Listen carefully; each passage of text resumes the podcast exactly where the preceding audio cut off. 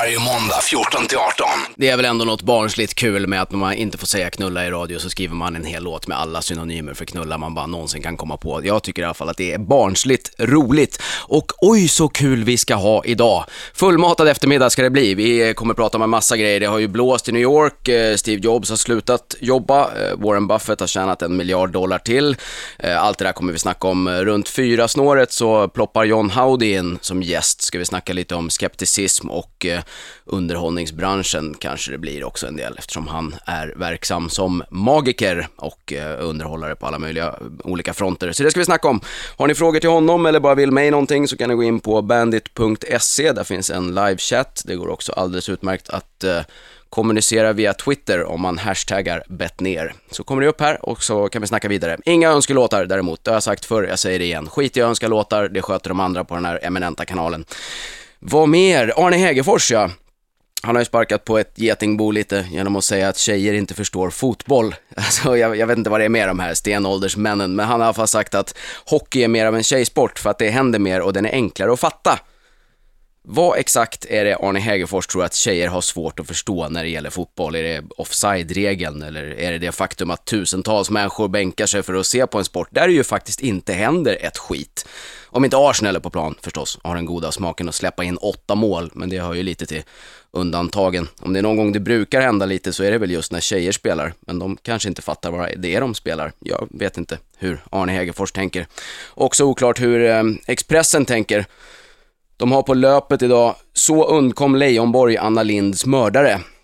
Eh, Mihailovic talade alltså ut igår för första gången om mordet på Anna Lind sådär plötsligt efter åtta år. Då fick han för sig att börja snacka. Visst, bättre sent än aldrig. Han berättade i alla fall att han dagen innan då hade stått och tittat på dåvarande partiledare Lars Leijonborg när han talade, men att han inte hade någon kniv på sig just då. Så det hade kunnat vara Lasse. Ja, så skulle det kunna blivit, men nu blev det inte riktigt så. Lars Leijonborg hade ju kunnat vara amerikansk president om han hade fötts i USA, blivit jurist istället för socionom, haft normala ögonbryn och en vettig presidentfrilla och vunnit alla premiärval, äh, primärval. Men nu blev det inte så. Tyvärr, Lasse. Du blev folkpartiledare och en sån tråkig politiker att inte ens en galen psykopat orkade gå och hämta en kniv när han såg dig. Eh, känner mig fortfarande lite så här lätt bakis efter en riktigt hård vecka. Jag hade födelsedagskalas för min flickvän och eh, sen har det varit ytterligare festande och stand-up gala i lördag så jag känner mig gammal och sliten. Dessutom lyckades jag tappa min eh, telefon, eh, min, min iPhone åkte ner på grannens balkong, spräckte glaset. Jag var helt nykter vid tillfället så det var bara en, en slump. Kan däremot inte varit en slump att det var samma dag som Steve Jobs slutar som Apples VD. Jag tror att vi har en särskild connection på något vis. Eh, han har ju eh, cancern att tacka för att eh, när man inte trodde att det fanns något mer att skriva om det här mytomspunna företaget, dess produktutveckling eller innovativa design, då blir helt plötsligt deras VD en form av ofrivillig skyltdocka för bukspottkörtelcancer och det skrivs mer än någonsin. Samtidigt släppte de också nyheten att eh, Apple har mer pengar än den amerikanska staten. Vilket såklart inte är så konstigt eftersom var och varannan amerikan är beroende av generösa statliga bidrag när man har handlat upp sin lön hos just Apple.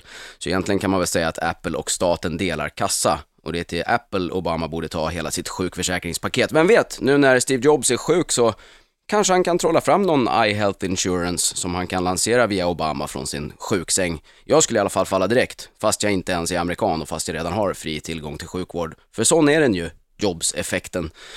En annan grej jag tycker är jävligt skön med Steve Jobs och en del andra av hans kompisar också, det är det här att han struntar i högre utbildning, dropout. Bill Gates gjorde ju också det, sluta plugget. Det är inte helt ovanligt att de här som lyckas riktigt, riktigt bra har struntat i högre studier. Det är inte så konstigt kanske. Alltså man måste ju oftast tänka lite utanför boxen för att komma på något nytt och fett.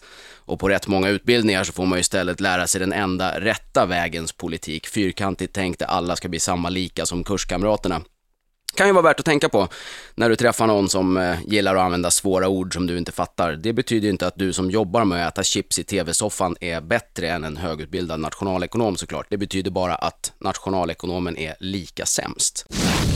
Det har ju varit um, oväder i New York uh, i helgen, sjukt jobbigt såklart, men eh, sjukt jobbigast har väl ändå varit rapporteringen. Alltså först använder media begreppet fastighet istället för byggnad, när det väl knappast är fastigheten som skakar.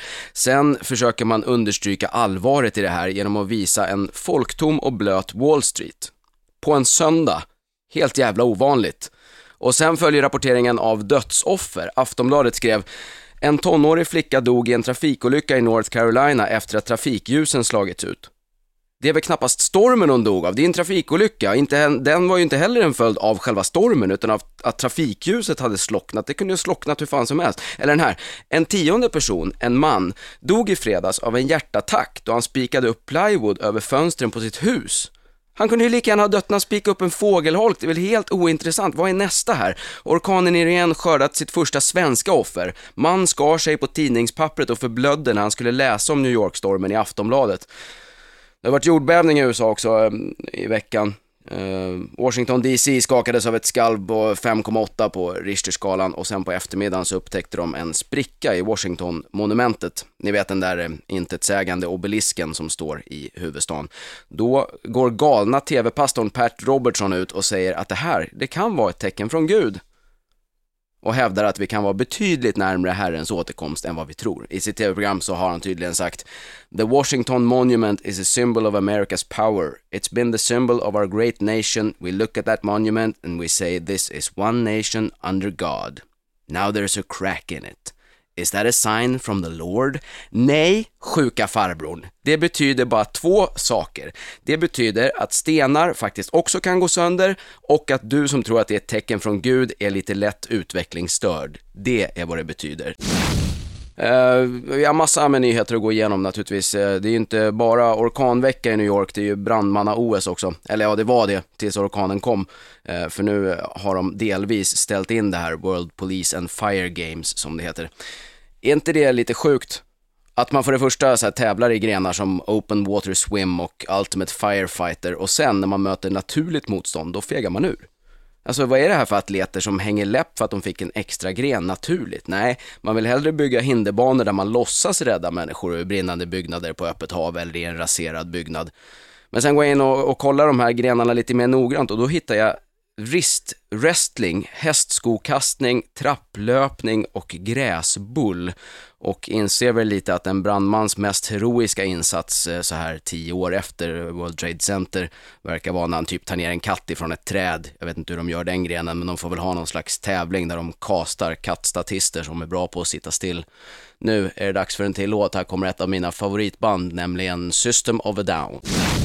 Just det, det var den här Facebook-grejen vi skulle snacka om. Det är nämligen så att eh, unga som använder Facebook är mycket mer benägna att supa. Det har missbrukarcentrumet på Columbia University listat ut. Exakt hur många timmar, gubbar, gummor och dollars de har lagt på att nå den här fantastiska slutsatsen är ju oklart. Men det är ändå tur att de finns, akademikerna. Och det är tur att de går till botten med alla svåra och viktiga frågor. Okej, okay. unga som har Facebook super mer än de som inte har Facebook. Kan det möjligt bero på att unga som använder Facebook har vänner? Har man vänner så finns det ju onekligen en större risk att man faktiskt träffar vännerna. Och träffar man en vän så är det väl också lite troligare att man tar sig en liten jävel då och då. Så kanske det skulle kunna vara. Kanske inte så konstigt att några akademikermuppar på Columbia University förvånas över det här fenomenet. Kan jag med fan på att de bara har fem sex Facebook-vänner var, varav max två är kollegor och resten är familj. Innan nu eh, folkhälsominister Maria Larsson får för sig att lägga våra skattepengar på att ta utredningen ett steg längre kan vi ju konstatera andra samband. De som har många vänner super mer, ja. De som har en vänlista där könsfördelningen är hyfsat blandad får förmodligen knulla mer än de som bara har vänner av samma kön, åtminstone om vi snackar om heterosexuella. Det har jag kommit fram till alldeles själv. Och då ska vi ändå tänka på att knulla, det kan leda till könssjukdomar. En annan grej man ska tänka på med Facebook, det är att den som inte har någon Facebook-vän, men en välpolerad frisyr och en prydlig pressbild, är förmodligen både man och någon som sitter och skriver på ett eget litet tempelriddarmanifest. Det här är sånt jag har kommit fram till helt själv. Eh, fast man hoppas ju ändå lite att Maria Larsson sätter fart. Det vore ju kul att få se Folkhälsoinstitutet släppa skriften dagliga Facebook-rekommendationer. Hur många vänner man bör ha som max innan risken ökar för att man blir alkoholist och får gonorré. Staten rekommenderar 6-8 brödskivor om dagen och max 15 Facebook-vänner. Skönaste Facebook-grejen på länge måste ju annars vara eh, att snuten fick tag på den här maffiabossen Salvatore Davino. Han har ju varit på rymmen i åtta år. Tills hans flickvän råkade lägga upp en bild från Nicky Beach i Marbella som snuten då kände igen och helt enkelt åkte dit och plockade upp honom.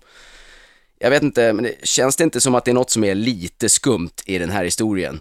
Det kan ju inte vara så att hon bara plötsligt kom på sig med att Facebooka upp bilder med tydliga kännetecken på, säkert geotaggade också. Maffiaboss med flickvän, has checked in at Marbella Beach. Hon måste ju ha säkrat några tillgångar och bara vill bli av med honom. Säga vad man vill, men det måste ju vara en relation med rätt sund maktbalans till skillnad från många andra där snubben bara ska styra och ställa. Alltså visst, han hade alla pengar och kontakter för att knäppa folk och sådär, men hon kan ändå få honom fängslad när som helst med sin iPhone. En liten Facebook-bild och SWAT-teamet kommer. Jämställdhet. There's an app for that. Det går alltså fint att gå in på bandit.se om man vill mig någonting eller använda Twitter, hashtagga betner. Anders Safe ville någonting. Han har skrivit så här, vad anser du om Bolt igår? Så mycket som han får betalt för att komma och delta så kan han inte underhålla när det är dags. Jag tycker det är uselt. Vad anser du? Jag tycker ändå att det blev rätt underhållande när han kortade sin arbetsdag med i runda slängar nio sekunder, men det är klart, lite klantigt är det väl. Eh, med tanke på att han hade kunnat vänta en sekund med att komma ur blocken och ändå bekvämt jogga hem segern förbi de andra. Men han var väl övertänd kanske. Man kan bli det av doping har jag hört. Eh, Nordea har gått ut med nyheten att de eh, sparkar 2000 pers i Norden och det är naturligtvis väldigt dåliga nyheter, framförallt för de som blir kvar, som nu måste jobba om möjligt ännu hårdare för att sälja pensionsförsäkringar till oss som vi inte behöver, ge råd om hur man ska agera på börsen som är i samma nivå som en schimpans som kastar pil. Så det blir hårda tag på Nordea, förmodligen andra banker också. Någon annan som det är synd om det är väl nya Fritzl. Alltså han som har gjort exakt samma sak som den första Fritzl och sen blir han påkommen bara lite för sent. Inga filmrättigheter där inte, det där har vi redan hört. Dropkick Murphys på Bandit, där det alltså går finfint att gå in och skriva till mig på bandit.se eller via Twitter, hashtag bettner. Det har Simon Frid gjort, han undrar om jag ska köra någon stand-up i Göteborg snart och det ska jag, oktober tror jag. Finns på magnusbettner.com turnéplan där, ny turné som heter Magnus Bettner 4 och börjar 1 oktober i Uppsala, så nu vet ni det. Ska åka lite överallt tänkte jag, däremot inte till Landskrona den här gången. Därifrån har det kommit en nyhet i veckan. Ehm, politiker de har ju en tendens att vilja styra och ställa över precis allt för att vi alla ska ha det bra. Och ett problem som verkar vara gigantiskt, det är ju det här med passiv rökning. Varenda jävla mupp som går förbi en när man röker på gatan nu för tiden verkar ju drabbas av lungcancer på en sekund, harklande och hostande trots att de är flera meter ifrån själva röken. I Landskrona har man i alla fall fått nog. Kommunens anställda ska vara rök och tobaksfria på arbetstid. Även när man jobbar hemma. Alltså, om du arbetar som lärare så får du inte ta en prilla om du sitter hemma och rättar prov. Exakt hur de har tänkt att kontrollera att man inte använder tobak i sitt eget hem har de väl kanske inte listat ut än, men det lär ju kunna skapa arbetstillfällen. Istället för att kommunens fas 3-are ska sitta i en lokal och stirra på en vägg kan de kanske skickas runt som en ambulerande rökpatrull. Det är väl också där Sverigedemokraterna har som absolut flest i kommunfullmäktige, så det kanske bara är en dragning åt det lite mer fascistiska hållet. Självklart gäller ju inte de här reglerna politikerna själva. Nej, nej. De får fortsatt ta en rökpaus mellan förhandlingarna, som vanligt då. Vadå, ska inte jag få röka? Jag ska ju leda folket och tala om vad de ska göra. Jag är ju vuxen, jag kan fatta egna beslut. Alltså, jag tycker Landskronaborna borde protestera på riktigt den här gången. Om du bor i Landskrona, ställ dig utanför kommunhuset nästa gång de ska ha möte där och kedjerök utav bara helvete. Ta med alla du känner, börja röka ni som inte röker, blossa loss. Eftersom passiv rökning är så oerhört farligt att folk börjar hosta vid minsta kontakt så kan man ju hoppas på att hela kommunfullmäktige faller platt ner och spyr upp sina lungor i den här passiva rökhostan. Eh, ni lyssnar alltså på Bandit, där Magnus Bettner eh, är jag och pratar fram till klockan 18, som jag kommer göra varje måndag. Försöker gå igenom lite av eh, veckans nyhetshändelser som har varit. Eh, det har ju varit eh, fortfarande ganska mycket Libyen naturligtvis och när de tagit sig in i hans palats, Gaddafis palats, så har de ju hittat rätt mycket skumma prylar om man säger så. Priset tar väl ändå hans fotoalbum på Condoleezza Rice. Alltså, han har ju aldrig gjort någon hemlighet av sin kärlek till den före detta amerikanska utrikesministern. Han kallade tydligen henne för Lisa och vid ett tillfälle hade de en middag på tu man hand hemma hos honom. Eh, där han också har gett henne lite gåvor, vet inte om det var på middagen eller senare, men 212 000 dollar har hon i alla fall fått grejer för av Gaddafi. Eh, bland annat en diamantring och en berlock med Gaddafis foto inuti, som man ju naturligtvis gärna vill ha. Hon fick såklart inte behålla de här gåvorna, utan de tillfaller den amerikanska staten och ligger i ett förråd i Vita huset som alla West Wing-fans vet. Men fatta den tanken bara, den är ju så skön, att det ligger en så här signerad Green Book, hans motsvarighet till Maus lilla röda, i eh, en av Vita husets skattkammare. Eh, Condoleezza Rice var ju inte sämre hon, utan hon överlämnade tydligen också en present, en väggdekoration från flottan. Den undrar man ju lite var, var den är. Vem tog den under plundringen? Kanske var det enda Gaddafi har hunnit få med sig. Eh, men han har ju gått ut nu i alla fall, Gaddafi, och sagt att han är redo för dialog. Han vill att hans son ska sätta sig ner och samtala med rebellerna och se vad de gemensamt kan komma fram till. Kanske lite sent ändå att spela låt oss samtala-kortet när man gömmer sig i en tunnel, NATO har bombat bort alla ens livvakter och rebellerna poserar framför världsmedia iförda allt de kan hitta i ens garderob. Eh, så Gaddafis palats verkar ju ha varit ett rätt stört ställe. Han har eh, alltså roffat åt sig så jävla mycket av landets resurser så att han till och med har en egen guldsoffa. Det är ju det är ju så en diktator ska vara. Det är ju sånt man bara trodde fanns i Joakim von Ankas kassavalv annars. Ark Enemy på Bandit där jag säger välkommen till John Howdy. Tack så mycket. Hur är läget? Det är underbart tycker jag. Vad gör du idag? Ja, just nu så sitter jag ju här. Du ska iväg och jobba sen? Ja, Ja, alltid faktiskt. va? Ja, nej, inte alltid, men, men ikväll i varje fall ska jag göra det. Du är verkligen en av de som jobbar hårdast i Ja, underhållningsbranschen. I anonymitetens namn möjligen. Ja, du gör mycket sådana företags... Ja, precis. Ikväll är det 65 stycken eh, chefer för ett stort företag inom eh, konsult, konsultgrupper så att säga. Ja, På ett slott utanför Stockholm. mysigt. Ja, Och för de som inte kanske vet så ägnar du dig ju åt numera eh, bara magi och... och... Ja, det har jag väl alltid gjort i stort Ja, men du alltid- körde ju lite stand-up. Ja, eh, jag hade väl en eh, kort period där på 90-talet. 85 så kallade jag mig faktiskt en gång i tiden för, för eh, stand-up comedy-illusionist. Det var ju innan eh, Ja, ingen stand-up jävel comedy fattar hade kommit till Sverige. Nej, ingen fattar någonting. Så vadå, står du upp och trollar? Ja, förvisso, men det var, det var den varianten. Va? Så jag var tvungen att skrinlägga den. Och det var just, då hade jag ändå kommit över den här eh, tröskeln då när det gäller det här med att kan jag verkligen skriva att jag är rolig? Tänk om jag inte är det? Folk tycker att det är för jävligt. Alltså. Ja, men du har alltså varit med, när började du egentligen? Eh, jag började eh, alltså som proffs 84. Och sen har du liksom jobbat så oavbrutet sen dess? 11 år började jag trolla om man säger så. Ja. Och sen har jag hållit på och när jag var 20 så vart jag proffs. Och eh, ja, sen har jag har inte haft ett riktigt jobb. nej, nej, inte, inte jag heller. Nej, det är väl inte, inget så vettigt jobb. Men så du har egentligen varit med under hela, för du var ju ganska aktiv inom eh, stand-up där ett tag. Alltså Ja. även om du inte kanske själv körde stand-up, ren stand-up, så var du ändå väldigt aktiv. Nej, jag s- tycker jag. Det var väl så här, väldigt inspirerad av Bill Hicks och, och lite den Ja. varianten som jag körde. Så, I och med att jag körde mycket med cigaretter, så, jag, jag käkar cigaretter. Det, det, det är oftast folk kommer ihåg ifrån, eh, Slängde i brunnen. ja, Ja. det är ju de här när, när man, eh, jag kastade in en massa glödande cigaretter i käften och så vidare. Och så drack jag vatten, sen så kom de fram igen och så försvann de. Och, så Ja. och, och, och då passar så bra just det med lite eh, snack om cigaretter och sånt där. Idag är det ju lönlöst att köra det tricket. Ja. Det får inte göra någonstans. Särskilt inte på företagsevents kan Nej, man det är inte sig. samma sak att göra med otända cigaretter. Nej, nej, det blir ju inte det. Nej. Men, men, eh, men du, det- har inga så här eh, publika framträdanden längre eller? Du kör bara... Ja, wow, jag gör det titt som tätt då och då. Jag, jag kommer väl köra lite grann på någon comedyklubb. Jag vet att jag kör Norra Brunn här i oktober och såna grejer. Ja. Och, och sånt för att hålla mig kvar lite grann. Men, men jag, i stort sett så, jag gjorde alltså ungefär 250 gig per år. Eh, när stand-upen var som hetast då, på, i den första svängen så att säga, på 90-talet. Ja.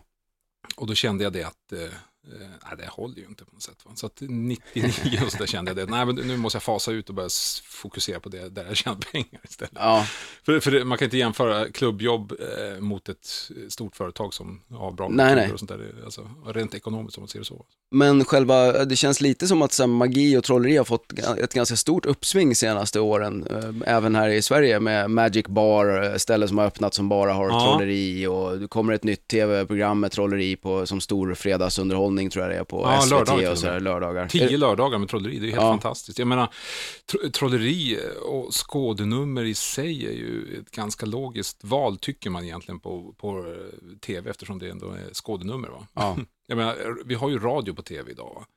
Radio är radio, så här, det är ju fine, det tycker jag är kanon alltså. Eh, Det funkar ju. Men radio på eh, tv tycker jag är så här halvruttet.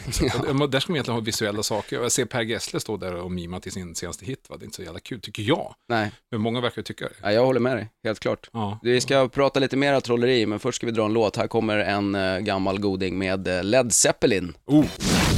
Led Zeppelin på Bandit där jag, som heter Magnus Bettner, snackar med magikern John Howdy. Yes. Vi snackar lite trolleri och att det kommer ett tv-program eh, lördagar, stort så här, underhållningssatsning. Ja, det är jättekul alltså. Ja, Det kommer du vara med där någonting eller? Nej, jag är inte Nej, med alls. du har inte lust, du gillar inte tv och sådär. Ja, det- Nej men jag gör inte det, jag gillar inte tv alls. Nej, alltså, värdelöst. eh, vad ska man säga? TV är ett nödvändigt ont om man ska sälja biljetter. Man Ja. så. Det är ju det som är det jävliga. Va? Ja. För mig så är det nästan bättre att inte synas i TV hela tiden för att, ehm, ja, om jag vill bli igenkänd på Pressbyrån så är det jättekul. Va? Ja, Eh, Men det är kanske inte min ambition just nu. Va?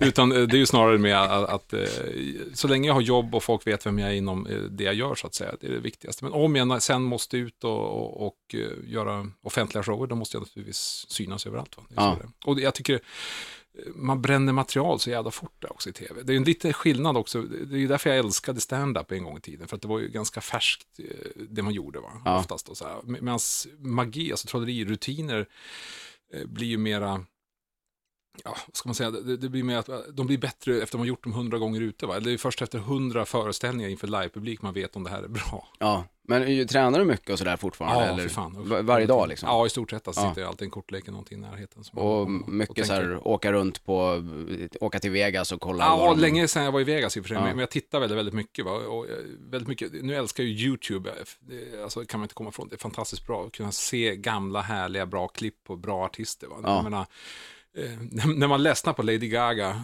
eh, och, Britney Spears så kan man faktiskt titta på annat också på YouTube. Och det finns ju fantastiska skådenummer att titta på, till exempel gamla såna här, eh, Johnny Carson-shower och sånt där. Helt fantastiska grejer. Ja.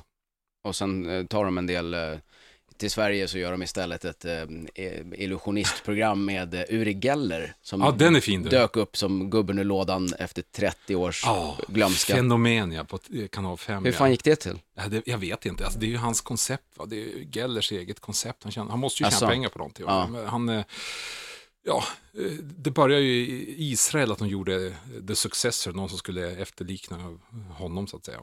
Jaha. Och det gick ju bra, så då gjorde de det på franchise ut i, i runt om. Det enda stället det inte gått riktigt bra, det var väl i USA tror jag. Ja, Sverige då. Gick inte. Det var tyvärr väldigt lite tittare. Va? Ja, vad var det för kvalitet på de som var med? Jag har inte sett det. Var, I, var, det de här i andra, Sverige? Alltså? Ja. Ja, en del var eh, riktigt, riktigt bra. Alltså, Ja. en, en del var ju sådana här som, egentligen var trollkonstnärer. Som, alltså, man måste skilja, jag vet inte fasen hur man ska förklara. Det eh, om man säger inom stand-up, om man ska jämföra att man plockar in någon Stefan och Krister-typ eh, och ska Ja. göra stand-up. Förstår du vad jag menar då? Det, det är helt fel person på det här stället. Men bara för att han är lite rolig så kan han alltså göra det här. Va? Ja. Och då, många som trodde att det var så enkelt. Och, och, dagens tv funkar så att de har ju en stor jävla bok, i stort sett är det plocka in konsulter som kommer in flygande och så hjälper de de här killarna och så vidare. Du, du, får ju som inte, du tänker ju inte själv va, så som alla Nej, andra får göra. Utan Köper, det, ett, köper ett format på Ja. tv-mässan i... ja, det är så Holland. det var eh, till exempel med men jag tror aldrig det kommer bli någon fortsättning på den, tyvärr. Alltså. Nej, Så- de så- jobbade ju jävligt hårt på att få uppmärksamhet på det här programmet. Alltså. Ja, Det är väl Dan Panas fortfarande som är presschef Dan Panas, ja, han gillar nog mig han, Jo, jag han var väl riktigt i farten där. ja, vi hade ju något dispyt jag och han. Försökte få ut, få, få ut såna grejer som att han faktiskt kan böja skedar med tankekraft. Ja, vi, vi försökte, ju- jag, jag gick ju ut ganska hårt där. Jag vet ju att det var ju på sätt och vis reklam för Uri Geller och sånt där. Va? Ja, Eh, Men samtidigt så kände jag det att eh, det, det, det konstiga är att vi kan skratta åt egentligen och tänka som att ha ha ha, Uri Geller och ingen, alla tänker ju honom som någon jävla trollkonstnär men det finns en stor skara människor som anser fortfarande att Uri Geller är alltså det ultimata beviset för att det finns paranormala fenomen tack vare ett mediokert test som gjordes på Stanford Research Institute 1973. Va? ja. Och, och, Det är och, det är det han lever på fortfarande. Va? Och, och folks benägenhet att vara så otroligt kåta på att vara med i tv. Att, att eh, när Uri Geller säger så här, lägg en, en sked på tv-rutan och sen så kommer den och så kommer den flyga av och, sånt där. Och, så sitter folk och drar i trådar, vad fan de gör för någonting. De drar på basen och den skakar ner. Och så filmar de där och skickar in det. Oh! Och, så, och så kör de så här porrfilms eh, skådespeleri. Åh, herregud, skeden ramlade ner från tvn. Och såna här grejer va.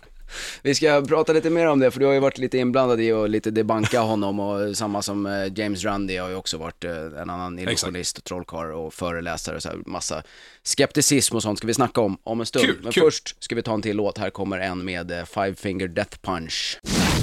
Eagles of Death Metal, där eh, vi kör på Bandit, är vi. Det är där vi är, Bandit. Jag är helt eh, sinnesförvirrad. Vi sitter med John Howdy som har med sig en väldigt eh, mysko-utseende sprayburk. Ja, det, med- det, det är lite rock'n'roll över det här. Vad är det? Du, det här är... Eh, Ja, jag fick dem i läkare. Det heter eh, Xylokain heter det. Det är alltså bedövningsmedel. Det här, jag har något skit i halsen. Jag vet inte, det, det kommer ifrån, tror vi, vi ingen vet va. Eh, från min axel, att den är överansträngd på något sätt och sen har det gått upp i halsen och där gör det så att muskler och en nerv dras till så att jag får jäkligt ont. Det känns som en halsfluss eh, gånger tusen om man säger Det är så. ju jävligt dåligt med ditt jobb. Ja, det är jättedåligt och när det är som värst så, så pumpar det på hela tiden så att säga. Man, man knä ligger på golvet och skriker i stort sett. Va? Kan inte prata va. Så att eh, jag har faktiskt ställt in två gig i sommar här. Oj då. På grund av detta alltså. Det, Första gången eller? Nej, jag har faktiskt ställt in totalt, jag tror det är fem gig. Eh, första gången var det för att jag fick eh, vattkoppor, eh, fick läkarförbud. Eh, andra gången var det för att min dotter föddes. Det var lika bra att vara med tyckte jag. Ja. Och, och så sen så, eh, vad var den andra? Jo, jag fick sol, jag är jätteallergisk mot solrosfrön, så jag, fick sol, jag låg på SÖS eh, och de pumpade i mig adrenalin och skit. Eh, och, och ändå var det gig, va? så att jag sprang ut därifrån och de sprang efter mig och så här, du måste, kanylen, får du ta ut den i armen? Ja, visst. Och så, så ringde jag hem och sa, äh, säg till då, jag kommer. Alltså, jag var helt värdelös. Ja. Eh, Men då hade de skickat Lenny Norman istället. Jaha. Ja, så han fick det giget istället. Och sen, var det ett gig till, jag kommer fast inte ihåg vad det var, men, men det var något. Annars har jag lyckats eh, på 27 år göra över 100, ja, typ 120 gig per år har jag klarat av att göra alla. Ja. Även om man kommer för sent någonstans eller man flyger och byter plan och alla möjliga konstiga saker. Men, Så nu, där håller mig det, vid just men det nu. funkar i alla fall. Ja, just nu gör det det. Du har inga planer på att gå till någon sån här homeopat som kan hjälpa dig med eh, ljus i örat och, och nålstickor? Homopat är ju jättekul. Jag, jag sitter faktiskt här och dricker ett glas vatten och det är faktiskt mer läkemedel i, i, i det här glas vatten som du gav mig eh, från kranen än, än vad det är i homopatisk medicin. Så att, Ja, det var ju någon som sa att om alternativ medicin hade funkat hade det hetat medicin. ja Det så- ligger ju en del i det kanske. Ja, det är ju faktiskt Men du är, du, är. för du är ju väldigt aktiv med, alltså inte bara att, eh, att såga Uri Geller och berätta att han, att han inte är på inte- riktigt. Att Utan inte på riktigt, ja. du gör den här eh, Skeptikerpodden Just det. som, eh, som man väl kan höra på en kanal här va? Det går på... Ja, alltså det, det så kan vi lyssna skeptikerpodden.se och sen så är det, kör vi valda bitar så att säga. Vi har gjort över nästan 70 program har vi gjort nu under ett och ett halvt år. Och det och så iTunes förstås. Och sen så har vi då på Radio 1, Som är vägg i vägg här. vägg i vägg här, ja, precis. Ja. Då, då kör vi våran, eh, då klipper vi ihop de bästa delarna och så sänder vi på lördagar eh, och söndagar klockan 11 på kvällen. Och där pratar ni mycket om sånt, alternativ medicin och den typen eller? Ja, precis. Allting sånt där och, och psykologiska, alltså hur, hur folk... alltså anledningen för att jag blev skeptisk, det finns två orsaker för att jag, jag eh, gick ut med, med att jag var skeptiker och, och, och inte tror på gudar och sådana saker och, och sånt. Det var väl, eh, en var att jag alltid varit lite skeptisk. Ja. det är en, en stor orsak. Eh, och sen är det det att som trollkarl så lär man sig de här funktionerna som, som gör att människor, eh, eller man förstår hur folk blir lurade. Eh, De här funktionerna som vi använder, ja, du har ju trollat själv lite grann, du vet Ja. ju själv också hur, hur det funkar med det där. Va? Eh, Du kan till exempel visa ett trick och sen så eh, när folk ska försöka återkoppla där så, så eh, blir det en helt annan grej. Va? Det, det är ett helt annat trick egentligen, men de har glömt bort saker som de ska glömma bort och så vidare. Va? Så Ja. det här blir mycket bättre än vad det är. Va? Och samma funktioner använder ju de medium och charlataner och alla sorter så här som håller på med det här. Va?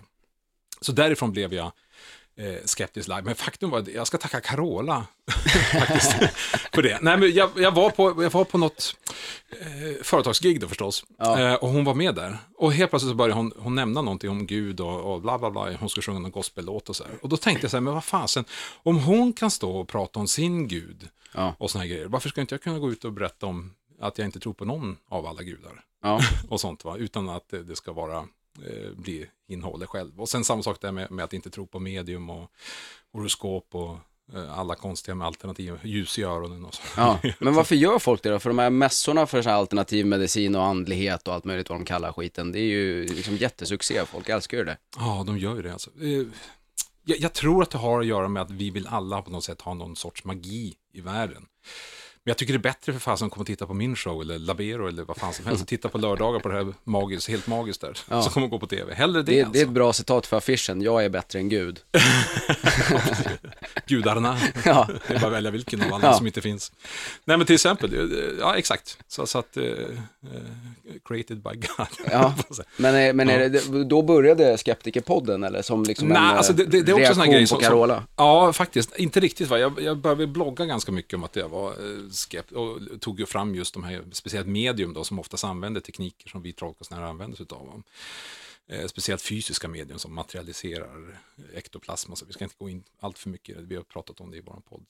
Men lite ska vi gå in på det. Men vi ska Ja, men alltså det... just det tekniskt sett så att säga. Ja, men det, det är Ja. intressant att höra. Men jag tror att vi ska ta och dra iväg en låt först. Ja, Sen ska vi prata vidare om du har tid att vara kvar ett tag. Ja, för sjutton. Ja, jag sprayar mig i halsen så Då kör vi. kör vi en eh, låt med mustasch medan Howdy sprayar sig i halsen. Ghost på Bandit. Magnus Bettner heter jag som är kvar i Bandit-studion fram till klockan 18. Har besök av John Howdy. Vi sitter och snackar om eh, medium Ghosts. och... Ghosts, Ghosts, ja precis. eh, där du sa det innan, innan vi drog på lite musik att eh, så här medium och sånt använder sig av samma tekniker som ni eh, Ja. magiker ibland. Ja, precis. Eh, Jag nämnde framförallt det här med, med fysisk seans och sånt där. När man kan eh, manifestera ektoplasma. Alla som har sett eh, Ghostbusters vet vad ektoplasma är. Ja. Men, men det finns ju alltså de som tror på det idag, att man kan alltså frambringa sånt. Och nu, eh, ja, eh, där har man ju många, många herrans år använt sig just utav eh, eh, den här eh, trolleritekniken för att kunna göra de här grejerna, i mörker då dessutom. Så det är ju trolleri i mörker, vilket innebär att, ja det jag tycker är fantastiskt, ja men det är underbart. Och, och, och det är sådana här vilseledningar som är jättebra, alltså då sätter man fast det, med sätter man fast alltså med, med buntband i, i en karmstol, så inte han kan röra sig va. Eh, och så vidare. Och så har man alltid en assistent med som hjälper till och såna grejer. Sen har man, eh, stänger man till och också skynke för, och det är ändå mörkt i rummet va. Ja. Och, och så vidare. Va? Och så sen manifesterat kommer fram alla möjliga konstiga eh, trumpeter som flyger iväg och såna här saker. Va? Och det, det är ingen som tänker på för det första att... Eh, Vadå, så man tänder lampan och sen ligger grejerna på ett annat ställe? Nej, det- du ser dem. Det är så här fluorescerande. Ibland det syns, det kommer fram självlysande. Ja, det, det är så fantastiskt och inte klokt. Och, och det är ju ingen som tänker på det här när man säger till. Det var ju en, ett medium som- som heter Anders Åkesson som åkte dit förra året. Han vart ju avslöjad. Han gjorde sånt nere i Ystad. Han blev av med sin mediumlicens. Ungefär va? Ja, precis. Nej, men han, han, eh, han, han eh, hade eh, smugglat in, för, för de visiteras ju när man går in i de här rummen också, så hade han ju smu- smugglat in en, en självlysande lerklump som han hade på handen, så kom en sån här spökhand fram så här, mitt framför ögonen på folk. Det är såhär buttricks. Ja, och så tänkte de inte på att hans fru hjälpte till. Hon satt ju alldeles bredvid utan att eh, sitta fast någonstans. Va? Ja. Så hon kan ju kuta runt hur mycket de vill, och det är så de gör. Va? Ja, det är klart. För folk vill ju så gärna tro, och det var det vi var inne på lite grann tidigare också, det här med, med att vad vi, varför vill folk tro på det? Jag, jag vet inte. När det gäller alternativmedicin så kan jag förstå det, för att går du till en sån här som trycker nålar i det och sånt där, va? Eh, Så, så, du blir mera ombrydd om man säger så. Du, du sitter Ja. ju där och, och en läkare idag, de har ju max 15 minuter per patient. Då ska de hinna komma in och säga hej, vad är det för problem? Och så ska de hitta en diagnos och ut. Och så, för att det är så tempo, tempo, tempo. Ja. Men här kommer det in och, och det, det är aromer och det är fina grejer i luften och det är mm och så här och de pratar med varann och sånt där. Och, det, Ja. och då känner man sig ombrydd och bara på det kan man ju må bra. Va? Placeboeffekten, va? det är ju det. Så, Så jag, jag tror att det är det också. Sen är det väl också, eh, vad fasen, det, det är väl eh, det är samma sak som eh, jag. Jag menar, eh, jag, jag var varken snygg, eh, idrottslig, kunde inte spela hockey, kunde inte, spela, kunde inte sjunga, kunde inte spela gitarr, kunde, ingenting. Va? Det enda jag kunde för att kunna synas, det hade jag två alternativ. Antingen blev jag en bully eller så blev jag eh, trollkarl. det det. För att kunna synas. Och när man då gjorde korttrick för de här som var lite tuffa och de bara wow vad coolt, då syns man ju. Ja. Lite grann samma sak ser jag nu också när det gäller medium och inom den här vovo-branschen som det heter.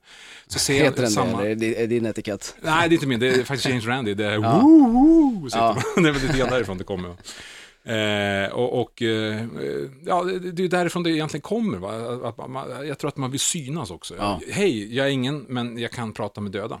Men hur ska man liksom göra med alla de här som hävdar att de har riktiga gå... Alltså det, det är ju rätt svårt ändå för det finns otroligt många som verkar vilja tro på, alltså som eh, Ja. eh, Uri Geller som vi snackade om, som har varit verksam i, vadå, 50 år snart. Ja, precis. alltid Han bara- igenom på 70-talet. kan man Liksom verkligen funnits jättemånga som har gått igenom hans grejer och visat hur han gör Ja. när han böjer nycklar och allt Ja, han är, gör. ju, han är ju fullständigt debunkad som det heter. Va? Ja. De avslöjat honom från topp till tå. Det, det finns ju ingenting kvar av vad han gjort, förutom de grejer han har lyckats med. Var ren jävla tur. Va? Ja. Det är svårt att veta. eh, och, och, ja, men det är så det funkar. Va? Och, och eh, eh, när det gäller allt det andra, jag, jag vet inte. Det finns ju, James Randi har ju det där förhatliga priset på en miljon dollar. Eh, att man kan eh, få testa sig och så vidare. Och, och, eh, Vadå, att man får en belöning om man är ett medium på riktigt? Men det, det är inte så jäkla svårt egentligen. Säger du att du kan prata med döda eller du kan göra si och så, ditt och datt, så men visa det då. Ja. Det är inga problem, för att de kan alltid göra om du ringer ett 1990-nummer. Då har de inga problem med att läsa horoskopet eller framtiden eller vad fasen, prata med den döda eller prata med din hund eller vad de gör för någonting. eh, men, men, men eh, så fort de ska testa så här, då blir det, "Nja, nu är det svårt här och nå, vet du, det, mm, jag känner mig lite spänd här och så här, va? då funkar det inte. Nej. nej. så är det godnatt. Va? Vi ska prata mera bluff och båg och skepticism om en liten stund. Först ska vi spela en låt med Crowbar. Iron Maiden, The Number of the Beast på Bandit, där jag fortfarande har eh, förmånen att få prata med John Howdy och vill ni fråga honom någonting så går det alldeles utmärkt på bandit.se eller via Twitter där ni hashtaggar bettner så kommer det upp på rätt ställe. Fått eh, ett par frågor till dig. Alltså, Ja, jag tänkte, det är väl ingen som lyssnar på det. Jo, för fan, det är, det är hur mycket De lyssnar lyssning på som dig. helst. Ja, nej men de, de, de vill fråga dig grejer här. Första frågan är eh, vad, vad du tycker om eh, tv-programmet som avslöjade en massa tricks för något år sedan. Sprack hederskoden. Ja, ja, eh, just det. The Masked Magician, den maskerade trollkarlen. Ja, precis. Det var jättebra tyckte jag. Jag fick en massa nya trick som jag lärde mig där. Som, som Det du var- inte hade koll på. Nej, som jag inte hade koll på. Nej, men ärligt talat så, så eh, det där programmet var ju en, en sån stor lurendrejeri. Alltså, vad ska man säga, konceptet bakom programmet var att man skulle avslöja stora illusioner, men det gjorde man inte. Man avslöjade, alltså de, de designade trolleritrick eh, som ingen har sett förut och avslöjade dem här. Va? Eller använde, eh, gjorde ett, ett trolleritrick som folk känner igen, eh, men gjorde en helt annan lösning på det. Jaha. Än, vad- så, så man sa, vad, vad gör man så? Va, hon, ska, hon ska inte ligga Men varför gjorde de lådan det? där För att de under." var rädda för att bli Ja, stämda och dels sånt det. där. Va? Ja, man kunde inte avslöja några copyfri-grejer, för då hade han ju, hans advokater hade ju Ja. lackat på direkt, så att säga. Va? Men, men alltså, vad, det, f- ja, vad ska man säga? Alltså, hemligheterna är inte så kul att se ändå på något sätt ändå. För jag menar, vi jobbar oftast mera eh, med tricken eh, än vad det är värt, om man Ja. säger så. Va? Om man får veta hemligheter bakom ett trick så, så, så är det inte så jävla roligt egentligen, va? oftast. Va? Folk upptäckte det ganska snabbt, gud vad tråkigt det här var. Ja, alla fattar ju ändå att det är lur. Ja, det är klart. Så att det är ju ingen som vill veta hur det är lur. Man Nej, vill ju bara, exakt. Man vill ju bara sitta där och undra hur fan gick det där till? Ja, nej, så, så att det, det, det var ju mer att folk var ändå mer less på trolleri och tyckte, fy fasen vad men.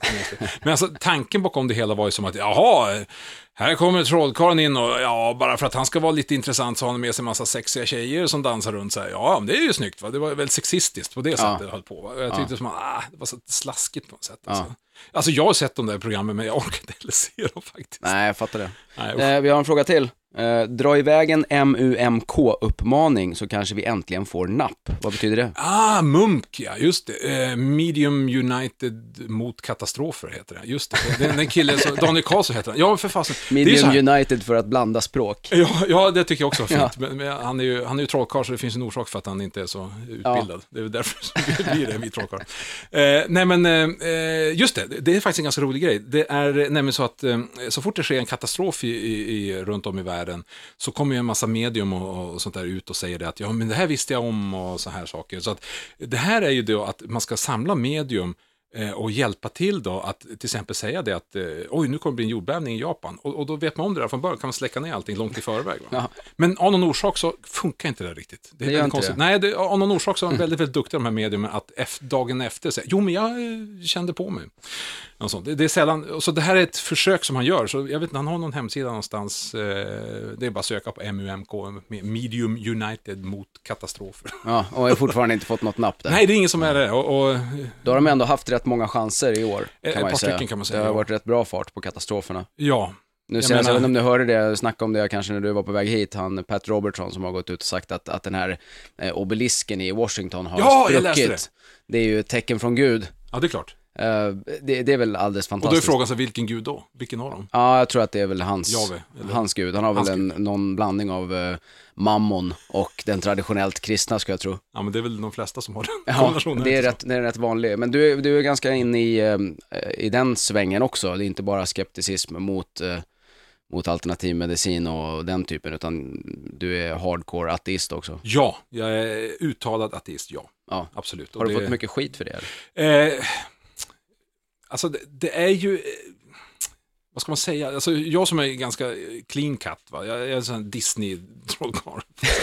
Nej men jag, jag svär inte speciellt mycket på scen och sånt där, inte speciellt mycket men, eh, och sådär. Jag försöker hålla en ganska eh, ren linje så att säga. Men, men eh, en del kanske, alltså konstigt nog, även om vi ska vara så öppna i Sverige som vi tror att vi är, va, så kan vissa sådana här grejer vara att, jag vet att jag förlorar gig på att jag har sagt saker och ting, att jag Asså? inte tror på en gud och jag tror inte på det eller jag tror inte på sådana här saker. Och jag vet till exempel också att det finns ett tv-program som kommer i höst, där jag vet att jag var påtalad om, men eh, att eh, på grund av att jag åkte ut ganska fort i resonemanget eftersom jag, att jag är ganska öppen i, i Facebook och, och, och Twitter och sånt där och skriver väldigt mycket om eh, om just sådana här saker, om, om eh, religioner och, och annat trams. Ja. Och då eh, vill de inte ha med mig av den orsaken, för det skulle bli för kontroversiellt. Och sånt där. Det är ju helt sjukt. Ja, det är helt sjukt. Alltså man, Man tror ju verkligen inte att det ska vara så i Sverige. Nej, verkligen. man borde ju kunna få säga vad man känner och tycker. Va? Och Ja. Folk borde respektera det, för vi respekterar faktiskt vad, vad de säger och, Ja. tycker. Va? Oftast. Men de blir sura för att ni vill ha bevis. Eller vi, jag är väl en av er kan man Ja, väl säga. precis, Jag exakt. ska inte säga att, att det är ni, jag är lika god kålsupare jag. Ja, men alltså vad, vad folk misstar skeptiker och sånt där för, det är, ju- det är ju det att de tror att ja, men du är skeptisk mot allt, du måste vara skeptisk mot allt. Att det, och, så här, va. Men eh, jag är ju vetenskaplig skeptiker, så att säga. Alltså det, det handlar om att eh, förklara med vetenskapen eh, det som det, vi är skeptiska emot, så att säga. Ja. Man sitter inte och bara säger nej, du, nej, jag är skeptisk, så här. Nej. Så Stefan Sauk-variant, utan det, det handlar ju om att visst, sure, om, om någon kan manifestera fram någon, någon kul spöke där, så jag är den första som är där och, och jublar och tycker det är skitkul. Ja, det vore om, om till exempel spöke. eh, någons gud skulle haka in och, och tramsa in här någonstans, så bara yes, eh, det skulle Ja. vara fantastiskt va. Då vet man att det finns någonting i varje Ja. fall. Va? Eh, men tills dess så, så ställer jag mig väldigt skeptisk mot, att det, det finns eh, någonting av det här. Va? Och, Ja. eh, Jag är på din sida, vi ska prata mer religion alldeles snart. Volbeat på Bandit, John Howdy är kvar i studion. Vi har fått mer frågor till dig. nej, Jo, eh, Technic Skeptic på Twitter vill att vi ska prata om sexismen bland magiker. Ja, det är ju Maria i Skeptikerpodden, hon är med på Jaha, den. ja, det är det. Visst är det det, vet du. Ja, så vi- varför vill hon det tro? Nej, ingen aning. ja, eh, ja, sexism, eh, ja. Men man får väl ändå säga att hon har en poäng, alltså just Ja. det här att det ska bara vara så här uppushade eh, Jag, jag minns när, när, jag, och... sa- ja, när jag satte upp show på Berns som heter Magic Night 90, blablabla. åh gud, 97, herregud. För som lyssnar på det här är vi inte födda då. Men eh, 97 var det. Och då sa de det att vi måste ha in eh, tits and ass, alltså, för annars kommer inte affärsfolket. Och då känner man, Ja, fan. ja det är för jävligt. Men Det- så är det alltså, tyvärr, Ja. är det, ju- tyvärr är det ju så. Jag Men menar, har inte genren lite satt sig i den båten själv då? Ja, det, Alltså det- det... kan man ju säga på något sätt. Men det, det är väl det är där pengarna finns och det verkar som att affärsmän ska ha tits and ass på något sätt. Ja. Jag tycker det är för jävligt. Men, men det, ju finns ju, sen har man ju sett superbevis på trollkarlar alltså, som eh, hanterar sin kvinnliga assistent, inte som en partner utan som, just som en assistent, Ja. som en pryl. Va? Ner i lådan och hacka, hacka och så ut och så upp och så ut med dig, nu tar jag applåderna och du har gjort allt jobb och sånt där. Och, och, och de ska alltid ha så här eh, stringtrosor på sig och sånt där. Man bara, vad är det här för någonting? Ja. Jag är inte så dum att jag har, jag gjorde en för länge sedan med några tjejer. Eh, Men upptäckte ju ganska snabbt att med mitt jävla utseende så ska man inte ha snygga tjejer på scen, för det är ingen jävel som tittar på mig. Och var så riktig fyllefest i lokal man var inne där, det var så här, in med brudarna. Så Man bara, ah, men vad nej, då är jag själv i så fall. Men är det så fortfarande då? Alltså de här, vad heter han, Chris Angel och de som är st- Nej, stora nu, jo. kör de samma stuk? Jag har liksom inte sett något Ja, av det deras. måste, alltså tyvärr är det ju så här att, att sex säljer ju va, Ja. på något sätt. Va? Och det, det är därför jag inte fattar varför jag har så mycket gig. jag har skitsvårt för att fatta det. Men det måste vara något annat då. Eh, och jag är inte billig heller. Fan, jag vet inte vad det är. Men, men eh, det säljer va. Men det kanske är också det att eh, om du inte har talangen så kanske du ska vara snygg. Chris Angel är, en, eh, alltså, för de som inte vet vem det är, han, han har gått viral med många sådana här videos på YouTube där han har kapat av folk och så vidare ute på gatorna och sånt där. Han, han ser ut som en rockstjärna i stort sett va.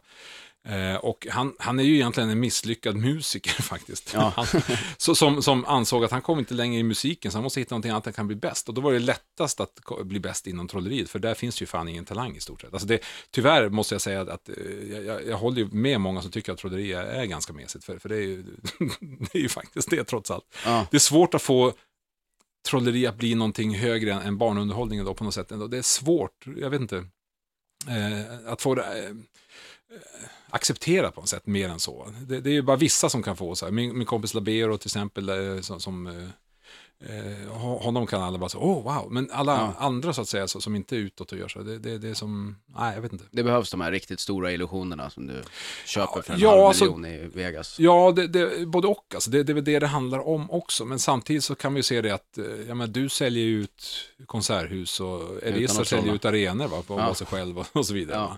Ja. Eh, jag menar, eh, du har ju buktalare eh, som kommer hit och kör och säljer ut Globen och såna grejer Ja. till exempel. Med- Men tror du inte att det ändrar sig lite grann då? Det här med att trolleri liksom är traditionellt lite barnunderhållning och lite mesigt så här, med, med Chris Angel och vad heter han, David Blaine va? Som Ja, just också det. Så här, gatutrollare. Penn Teller till exempel är ju lysande exempel på. Ja, men de, alltså, Penn Teller är ju fantastiska. Alltså, Ja. det, det, alltså, eh, ska jag sätta topparna inom magin ur, ur hela världen så finns det bara två stycken tycker jag. Alltså, etta är ju David Copperfield, kan man inte komma ifrån fortfarande. Han är Nej. alltid nummer ett. Va? Sen är det ju Penn Teller. Va?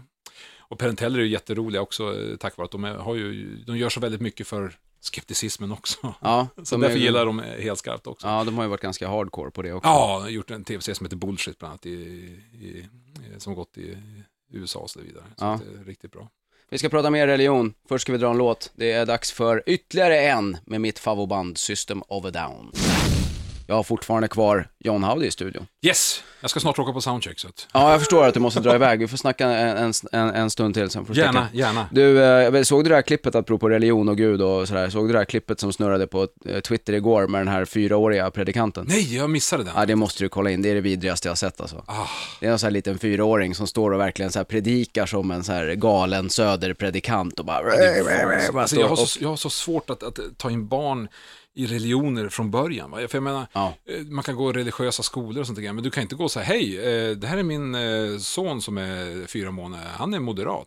Nej. Här, det finns ju inget sånt, va? eller han är Nej. socialdemokrat. Så här, Va? Hur vet, nej men vadå, det måste vi få. Men religiös, kristen och sånt kan man vara. Ja, det är väl, jag tror det är Richard Dawkins som har fört fram tesen att barn i, inom religioner borde klassas som barnmisshandel. ja, faktiskt. Det är man väl benägen att hålla med om. Särskilt när man ser ett sånt klipp alltså. Men och samtidigt- hans pappa var pastor ja. och så här. han har lärt sig då hur han, hur han ska liksom predika, står och skriker i kyrkan. Men det är en annan sak om, om de får, får jag- mina barn, jag försöker ju förklara allting för dem. De vet ju min ståndpunkt förstås, men, men eh, eh, nu vill ju min äldsta dotter, hon vill ju konfirmera sig. Jag bara, ja, okej, Ja. gör det då. Men det är väl något för att de ska få presenter, eller? Ja. Så brukar det ju vara. Jag, jag vet inte, hon är nyfiken, hon, hon är Ja. ganska klok och, och vill eh, eh, eh, tänka själv så att säga. Ja, Och ja men det är väl inget fel i det för sig. Får man lite Ja, information jag ifrån. konfirmerar mig också. Ja. Jag gick ju, eh, prästen tyckte jag var så himla inne i det hela. Det var då jag läste Bibeln första gången. Ja. Och sånt. Och han tyckte, åh, du borde bli teolog, studera teologi och bli präst. Och jag bara, ja, det, är för att, det är för att jag har läst Bibeln som jag är ateist. Ja, det är en av de största orsakerna. ja det är ju många, många religiösa som har missat att läsa sin bok. Ja, de läser ju bara det helt de klart. vill. Va, så Ja. det är klart, då kan man ju läsa. Eh, stoppa in vad man vill i det tyvärr. Ja.